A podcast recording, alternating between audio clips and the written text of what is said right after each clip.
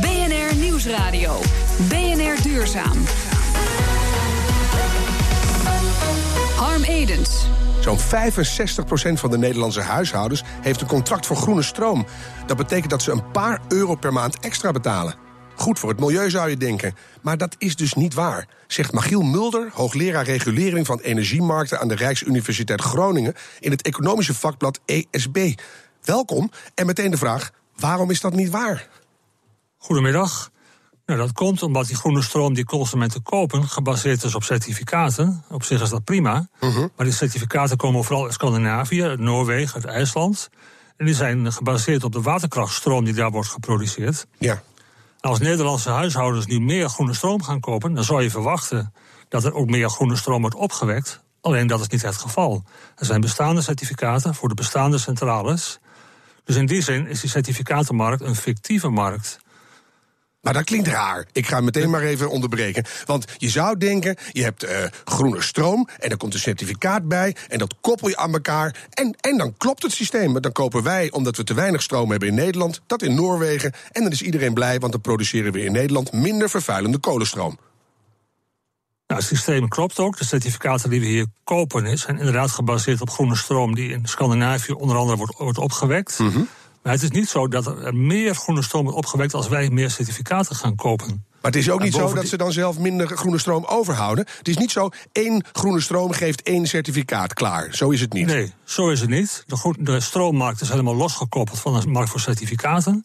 Dus als wij groene stroomcertificaten uit Noorwegen halen, betekent dat niet dat we meer stroom uit Noorwegen importeren. Het zijn twee verschillende markten. Maar meneer de professor, voor de groen bedoelende consument is dit bijkans niet meer te volgen. Wat een raar systeem. Het is heel verwarrend. Het systeem is ooit opgezet vanuit de Europese Commissie om ja, groene stroom te kunnen detecteren. Waar wordt het opgewekt, waar wordt het, geconsumeerd? Mm -hmm. Alleen hij staat los van de stroommarkt. En omdat ook de bestaande waterkrachtcentrales in IJsland en dergelijke mee mogen doen, is er een enorm groot aanbod. In feite blijven er elk jaar certificaten over. En dit betekent ook dat de prijs voor certificaten bijna nul is. Maar het is los van prijs en overschot of niet. Als het helemaal niks, het een niks met het ander te maken heeft, dan lijkt mij dat een volstrekt belachelijk systeem. Met meteen maar de vraag: heeft u een oplossing? Nou, wat je zou kunnen doen om de certificaten alleen uit te reiken aan nieuwe groene stroomproductie, zeg maar aan nieuwe windmolens die worden uh, neergezet, mm -hmm. en niet meer voor de bestaande. Dan krijg je een krappere markt, krijg je hogere prijzen voor die certificaten. En misschien ook wel een prikkel voor investeringen. Maar dan kom je bij het volgende punt. En dat is evenmin heel erg vrolijkmakend. Als we meer duurzame energie gaan krijgen, meer windparken gaan aanleggen en dergelijke. Ja dan vergroenen we wel onze eigen Nederlandse energiesector. Alleen uiteindelijk gaat het om de vraag: wat betekent dit voor de CO2-emissies? Ja, lijkt mij dat, dat, dat het toch goed is. Hoe meer groene stroom, hoe meer windparken, hoe meer zonnepanelen, hoe minder kolenstroom, hoe beter. Ja, dat zou je verwachten. Helaas is dat niet het geval. Dat moet u uitleggen, want dat klinkt zo onlogisch dat ik zelfs, terwijl ik sta, van mijn stoel val. Ja, dat heeft ermee te maken dat we in Europa een systeem hebben van emissiehandel en CO2-rechten. Alle elektriciteitsbedrijven zijn verplicht uh, participant uh, in dit systeem. Ook de chemische industrie doet mee. Uh -huh. En alle bedrijven hebben gezamenlijk een plafond aan emissierechten. Dus wat gebeurt er nu als we in Nederland of in Duitsland of in andere landen een kolencentrale sluiten en daarvoor in de plaats een windpark neerzetten? Dan vergroent het binnenlandse systeem weliswaar. Ja. Het lijkt gewoon groener, meer groene energie. Alleen de vraag naar emissierechten neemt af. Want de elektriciteitsbedrijven hebben minder emissierechten nodig. -huh. Met als gevolg dat de prijs daalt. En wat betekent een lagere prijs voor emissierechten? Dat het goedkoper wordt om CO2 uit te stoten. Dus ergens in het systeem, bijvoorbeeld bij de chemische industrie, ja. die kunnen goedkoper olie gaan verstoken. Bent u de eerste? Gevolg... Ja, ik snap, het, ik snap het principe. Bent u de eerste die deze wantoestand op deze manier aan de kaak stelt? Of was dit eigenlijk al lang bekend en bent u de eerste die dit in een samenhangend verhaal giet? Dat is al langer bekend onder economen. In, be in beleidskringen veel minder. Uh, er is een hele sterke focus op duurzame energie. -huh. Heeft er ook mee te maken dat vanuit Brussel duurzame energiedoelstellingen zijn afgesproken. Elk land moet daaraan voldoen. Alleen de interactie, de samenspel met emissiehandel wordt uit het oog verloren. Ja. Uh, het is eigenlijk heel erg ja, jammer dat we heel veel kosten maken in Nederland, ook in Duitsland, om ons systeem te vergroenen. Terwijl we op het gebied van CO2-emissieverlaging weinig, weinig presteren. Ja, ook in Duitsland, waar ze, waar ze veel verder zijn met duurzame energie, ook daar zie je dat de CO2-emissies toenemen. Ja, wil ik toch eerst even voor al die mensen thuis die elke maand extra euro's betalen voor die groene stroom. Waar blijven al die euro's? Nou, de, de winnaars van het systeem van certificaten zijn de leveranciers. Want er zijn heel veel consumenten die zijn graag bereid om iets meer te betalen voor een vergroening van het systeem. Die Ja. betalen ongeveer 10 euro meer per jaar. Eh, en de leveranciers die betalen maar heel weinig voor certificaten die ze uit Scandinavië halen. En de winst blijft bij de leveranciers. Maar nou even tussen u en mij. Hè. We willen allemaal de opwarming van de aarde tegengaan. Daarvoor hebben we een radicale energietransitie nodig. En nou komt u met zo'n verhaal. En ik hoor thuis iedereen alweer denken... nou, laat maar weer lekker zitten, want het werkt toch niet. Nou, wat wel zou kunnen werken is dat iedereen, en iedereen kan het zelf doen, dat je emissierechten koopt. Als je emissierechten koopt en niet gaat verbruiken, Ja. dan komen er minder rechten in de markt. De CO2-prijs gaat omhoog.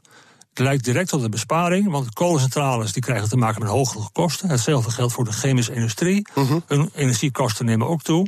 Waardoor we wel een transitie krijgen. En iedereen kan het zelf doen door zelf emissierechten uit de markt te halen. En als we naar heel Europa kijken, hè, steeds meer zonnepanelen, windparken, et cetera, steeds meer groene stroom. Uiteindelijk moet dat toch effect hebben, los van alles. Als er een systeem van emissiehandel is, dan heeft het weinig effect op de emissies. Want de emissieprestatie wordt, be- wordt bepaald door het plafond, dat is afgesproken. Het enige effect dat er is als we heel veel investeren in duurzame energie, dat wij zeggen als Nederland, en ook als Duitsland onder andere, laat ons die kosten maar, maar maken voor die, voor die verlaging van de emissies. Dan gaan we daar met z'n allen naar kosten naar ons kijken. toe. Zullen we dat doen? We gaan masse emissierechten kopen. Dank, Michiel Mulder, hoogleraar regulering van energiemarkten aan de Rijksuniversiteit Groningen. BNR Nieuwsradio. BNR Duurzaam. Ik denk dat het volgende onderwerp wel echt helpt. Of er nou emissierechten aan te pas komen of niet. Want een elektrische auto op zonne-energie kan je delen met je buren. En dan heet dat We Drive Solar. En initiatiefnemer is Robin Berg van Lomboxnet. Dat klinkt heel Utrechts, Robin. Dat klopt ook, hè? Dat klopt, ja. Dat is, wij zijn eh, begonnen in de wijk Lombok in Utrecht. Vandaar onze naam. Ja, daar hebben jullie een pilotproject gedaan. Wanneer is dat precies begonnen en wiens idee was dat? Ja, wij zijn daar, eh, onze bedrijf is ermee begonnen. En eh, we hebben eigenlijk gedacht van, joh, we hebben heel veel zonne-energie over eh, als de zon schijnt. Laten we eens kijken of we dat op een slimme manier in onze elektrische auto kunnen stoppen. Ja. En die batterij ook als, als een soort van wijkopslag kunnen gebruiken. Zodat je die eh, zonne-energie ook beschikbaar hebt als de zon niet schijnt. Ja, daar gaan we het straks even over hebben, want dat is een heel ingenieus kantje aan jullie project. Maar Ja. de, de pilot was een succes. Nou gaan jullie uitbreiden naar de hele regio Utrecht. Hoe werkt Ja. dat precies? Wat gaan jullie doen? Wat we gaan doen is, zeg maar, we gaan eh, nu eh, 150 eh, Renault Zoe's beschikbaar stellen voor de regio.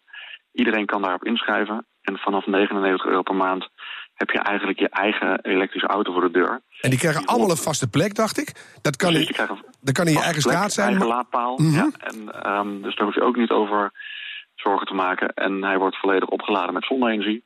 En die auto kan ook nog eens 300 kilometer op één batterij. Oftewel, eh, zeg maar, het bereik van die auto zorgt ervoor dat je overal in Nederland kan komen. Ja, je kan er een heel stuk mee tuffen. Het kan ook Ja. vanaf een bedrijventerrein, heb ik begrepen. Maar wat is nou precies het voordeel van een elektrische auto delen? Want ik denk dan, zo'n ding wordt intensief gebruikt. Is er wel genoeg tijd om hem op te laden?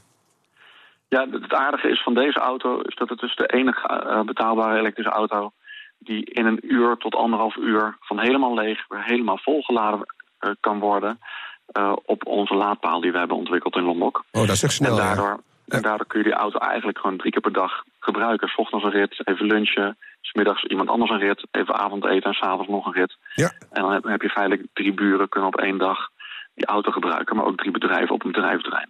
Nee, je zei je net is- al van we gaan hem ook als, als leverancier en voor het Ja. ontladen van de batterij eh, gebruiken. Wat bedoel je daar precies mee? Nou, wat we hebben ontwikkeld in Lombok is niet alleen maar slim zon in die auto stoppen, maar ook eh, technologie om het er weer uit te kunnen halen. Zodat je het, de energietransitie, waar u het net inderdaad ook over hadden, verder helpt. Dat je niet alleen. Nu moeten we inderdaad terugvallen op kolencentrales als er geen zon en wind is. Mhm. En feitelijk zeggen van nou, ja, als we die autobatterijen nou ook gebruiken, niet alleen om mee te rijden, maar ook als opslag eh, voor eh zonne-energie s'nachts Ja, te en dat- kunnen beschikbaar stellen. Dat kan nu En ook daar- echt al, dat je dan aan het net teruglevert? Nou, wij hadden als Lombok de eerste laadpaal ter wereld die dat kon. Ehm, en Renault, waarmee we dit project doen, die hebben als eerste autofabrikant gezegd... wij gaan onze auto's daar geschikt voor maken. Ja, ik vind dat heel spannend klinken. Ik eh, ga hopen dat het een heel groot succes wordt en dat er heel veel gebruikers meteen mee gaan doen. Want eh, dan, dan komt die energietransitie op gang. Emissierechten of geen emissierechten. Dankjewel, Robin Berg van We Drive Solar. Straks, de duurzame evenementen vliegen ons om de oren. We praten over de Dutch Sustainable Fashion Week. En we geven exclusieve kaarten weg voor Inspiration 360. BNR Nieuwsradio. BNR Duurzaam. Duurzame mode is inmiddels volop verkrijgbaar. Je moet alleen wel weten waar je moet zoeken. Om je daarbij te helpen wordt van 7 tot en met 16 oktober de derde Dutch Sustainable Fashion Week georganiseerd. Een initiatief van Cecile Schelen, en zij is hier. Eh, lopend of op de fiets, hoop ik, Cecile. Welkom. Wat, wat draag jij op dit moment zelf en wat is daar zo duurzaam aan? Nou, wat ik zelf draag, het is uh, eigenlijk uh, allemaal gemaakt van biologisch katoen. Dus ja, volledig duurzaam. Zo begint het al. Ja. En, en dan. Ik, ja, ik bedoel, ik, ik kan er natuurlijk ook niet omheen om wat kritisch te zijn om wat ik draag. Dus ja, die, die uh, ik, ik koop echt bij merken die, uh, die gecertificeerd zijn. En wat was de volgende stap voor jou om de Dutch Sustainable Fashion Week te beginnen? Wat is het precies? Nou, het lastige is, vind ik als consument, dat je gewoon niet weet waar je duurzaam. Als je, als je al interesse hebt in duurzame mode, waar je het kan kopen. En dat was persoonlijk voor mij een enorme frustratie. En ik dacht, ja, daar, daar moeten we wat aan doen. En ja, ik ben geïnspireerd eigenlijk door een Deens onderzoek die aangaf: je moet het in een campagne gieten. Kan je in een week tijd kan je, kan je heel veel communiceren daarover. En dan, ja, dan heeft het de aandacht die het moet hebben. Je zou toch denken als consument: hé, ik hou van een bepaald merk. Dan kijk ik even op de website en dan staat daar gewoon bij hoe biologisch en duurzaam en sustainable we zijn met z'n allen. Maar dat is niet zo. Nee, en ik denk dat merken dat ook bewust doen, of eigenlijk ook zoekende zijn van: wil ik daar heel bewust over communiceren of niet? Want het heeft natuurlijk altijd best een heel stoffig imago gehad. Stoffig. Ja, de, ja, precies, letterlijk. Dus ja, de, de, voor, veel, voor veel merken is het de vraag van wil ik dat, ook al, al zijn ze al bezig, wil ik daar echt heel, uh, wil ik dat gewoon uitdragen? Ja, nou kennen we allemaal de berichten over de afschuwelijke misstanden in de kledingproducerende landen zoals Bangladesh. Dan kan je bijna de plofkippen van de textielindustrie noemen. Al jaren horen we daarover. Wanneer gaat er nou eindelijk echt iets veranderen? En, en helpt de Sustainable Fashion Week daaraan mee? Nou, kijk, ik, ik hoop het natuurlijk, dat laatste, dat, dat het daaraan meewerkt. Maar het lastige is dat, um, gezien de industrie zoals het nu werkt, ook de vraag van consumenten. We, we hebben een hele andere prijsperceptie van kleding dan, dan vroeger, dan 30 jaar geleden. Dat komt ook door die fast fashion ketens eigenlijk, die, die kleding produceren voor heel weinig. Ja, maar een klein dus, voorbeeldje. Dan, dan zie je de reclame van Zeeman. En ja, ik, dan moet je er allemaal maar geloven, maar er staat er twee paar sokken voor 99 cent. 16 eurocent per sok. En dat is dan duurzaam, roepen ze bijna. Ja, dat kan en, en dat geloof ik gewoon niet. Nee, en dat kan ook niet. Kijk, als consument, als je weldenkende consument, kan je ook gewoon nadenken van ja, als je dat terugrekent, wat er allemaal in die keten gebeurt. De, de katoenen hebben ze moeten plukken. Vervolgens moet er een garen van gemaakt worden. Er moet in elkaar gezet worden, moet getransporteerd worden, moet naar een winkel. Ga maar door. Een dikke cashier achter een kassa. Nou, ja. noem maar op. Ja. Het kan allemaal niet voor 16 cent, toch? Nee, zeker niet, zeker niet. En dat moet je als consument ook realiseren. Dat, dat, je, je denkt, het hangt in de winkel, dus het kan. Maar ja, dat is gewoon niet zo. Je houdt jezelf voor de gek. En ik denk, uh, ja, daarmee hou je ook die, die, uh, eigenlijk die keten in stand. En dan doe je zo'n actievorm als de Dutch Sustainable Fashion Week. Kan je dan in één week genoeg aandacht genereren zodat het duurzaam verandert in die keten? Nou, wat wij doen is in die week uh, met zo'n 500 winkels door heel Nederland uh, duurzame mode zichtbaar maken. Dus in die winkels uh, krijgen ze ook ze krijgen een pakket aangeleverd en ze kunnen dus door middel van hangtags en, en, en beeldmateriaal kunnen ze in die winkel hun duurzame labels extra uitlichten in die week. En daarmee denk ik wel dat heel veel consumenten zullen denken van... nou, goh, oh, is in die winkel het ook verkrijgbaar? En dat is wat we willen bereiken in die Wordt week. zichtbaarder. Ja. En, en zie jij, want het is de derde editie... zie ja. je al iets van verbetering sinds de eerste? Nou, in zoverre, er gebeurt natuurlijk een hoop ook uh, een convenant wat getekend is. Dat, ja, de, het, consumenten die horen natuurlijk steeds meer in de media. Dus we, we, je ziet wel verandering. Ik wil niet zeggen dat dat door de week zelf uh, gebeurt. Maar ja, als wij zien de eerste week uh, hoe we ons best moesten doen om winkels te committeren om daaraan mee te werken. -huh. En als je nu ziet dat hoeveel winkels zich zelf al hebben aangemeld van ik wil meedoen daarin, zie je wel dat er echt een verandering plaatsvindt. Er gaat een punt komen en dan wordt het gewoon bepalend. Hè? Als je dan niet meer duurzaam bent, dan zegt iedereen ineens van ik hoef je niet meer, denk nou, ik. Ja, en dat denk ik ook dat zowel uh, de merken als de winkels zich dat realiseren. Want ik moet hier iets mee, ik moet hier iets over communiceren. Want we krijgen steeds kritischer consument die steeds meer weet en ook steeds meer wil weten over de achtergrond. Dus ja, ze, ze, ze moeten wel mee. Ja. Nou, nou is straks die week weer voorbij. Hoe kan je dan als consument nog zien of kleding duurzaam gemaakt is of niet? Ja, kijk, ik denk als consument moet je gewoon zelf kritisch zijn. Je moet in, aan de kleding zelf, 9 van de 10 keer zie je het niet. Dus je moet denk ik toch bij het personeel ook gaan vragen. Uh, ik in weet de het ook niet. Ik probeer het zo vaak. Maar... Ja, klopt. Maar daardoor, op het moment dat je dat gaat doen, gaan winkeliers zich wel realiseren: ik moet daar meer van weten. Dus ik moet mijn personeel beter, beter informeren. Zij moeten gewoon meer weten van de achtergrond. Ze gaan dus ook kritischer inkopen. En daardoor ontstaat er wel, denk ik, in de keten een verandering. Want nu de merken zelf, die voelen zich daar in zoverre niet toe geroepen, omdat die consumentenvraag gewoon achterblijft. Dus wij moeten het toch doen met z'n allen. Ja. Wat staat er allemaal op het programma in die week? Nou, eh, nou, met name natuurlijk die, die 500 winkels die, die uh, ook door middel van extra um, events in hun winkel natuurlijk uh, daar aandacht aan besteden. Maar... En kortingsacties.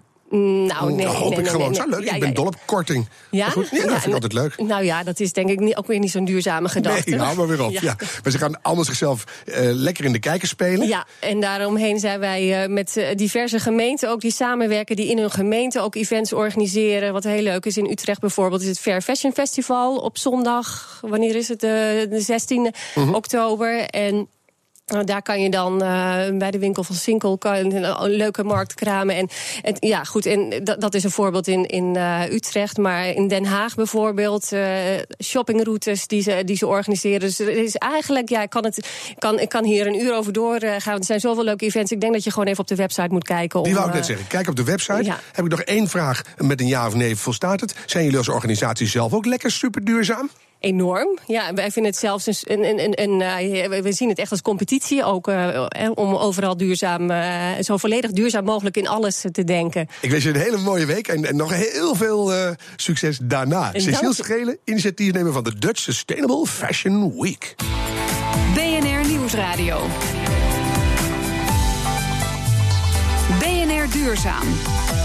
Altijd al eens Al Gore in het echt willen zien. En als je die niet leuk vindt, Richard Branson of Bear Grylls. Nou, dat kan dus gewoon. Morgenavond tijdens Inspiration 360 in de Ziggo Dome. Maurits Groen van de Wakka Wakka Foundation. Jullie zijn social partner. Wat houdt dat precies in?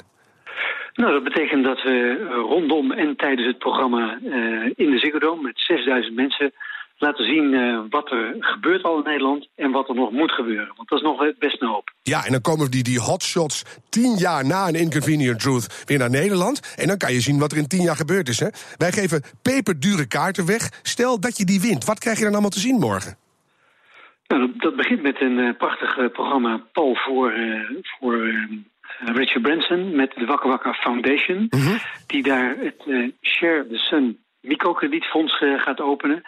Uh, op het podium met een aantal Nederlandse bedrijven die uh, laten zien, die voorop lopen met duurzaamheid. Nederlandse spoorwegen, die dadelijk op 100% duurzame windenergie uit Nederland gaat uh, rijden. Ja. PricewaterhouseCoopers die met de Sustainability Development Goals met bedrijven aan de gang gaan. Voor Ganswinkel, die werkelijk waar gaat maken wat ze beloven. Afval bestaat niet. Lidl, die een contract sluit met Kipster om uh, de kippensector helemaal te verduurzamen. Ja, Lidl moet je even goed zeggen. Hè? Dus er komt een heel, Lidl. heel mooi Lidl, Lidl, Lidl kippencontract. Komt er. Dat, dat gaat allemaal morgen gebeuren. En ja. nou stellen wij drie kaarten ter beschikking. Wat kosten die kaarten per stuk normaal gesproken? Nou, ze lopen uiteen van, uh, ik geloof iets van 200 tot uh, 600 euro. Dus, ja. uh, het is een hele duur evenement om te organiseren. Ja. Dus we gaan daar geen winst op maken. Het is nogal wat, blij hè? dat we op nul uitkomen. Ja. Maar we willen vooral laten zien dat we in tien jaar enorm zijn opgeschoten. Klimaatverandering begint echt klimaatontwrichting te worden. -hmm. Maar tegelijkertijd hebben we het Parijsverdrag... wat God wonder boven wonder binnen één jaar geratificeerd is... In Nederland gebeurt er veel, dus ja, we willen die twee kanten laten zien. De noodzaak, de mogelijkheden en de urgentie. En daar kan je morgen gewoon bij zijn. Het enige ja. dat je daarvoor hoeft te doen is... stuur via Twitter een direct message naar BNR Duurzaam. En schrijf aan ons in één regel waarom je denkt dat zo'n kaart aan jou goed besteed is. Dus BNR Duurzaam, direct message, één regel motivatie. Dat is alles. En dan misschien tot morgen, want uh, ik ben er ook. Maurits, dankjewel. Straks staat hier Petra Grijzer met BNR Spitsuur. Ik zeg, hou hoop en doe het duurzaam. Tot volgende week.